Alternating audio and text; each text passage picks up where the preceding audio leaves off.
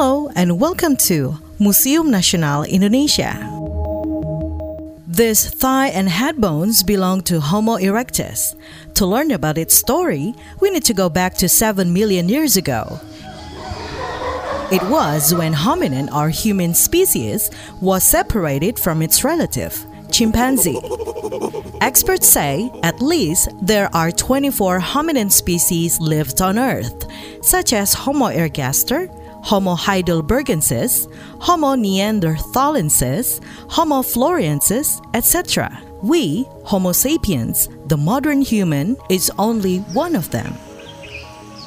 These hominins lived in Africa. Until 2 million years ago, a group of brave hominins explored to outside of Africa. They are the group called Homo. They are experts of fire, to warm themselves, to drive out wild animals, and to cook. Cooking enables them to have better nutrition and it develops their brain better. And there comes creativity. Simple tools from rocks and bones were created to hunt animals and protect themselves. With these tools, Homo erectus traveled to Europe, Asia, and all the way to Java.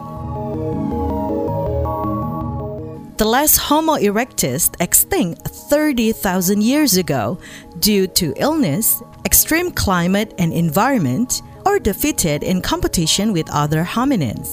That leaves us, Homo sapiens, as the only hominin species on Earth.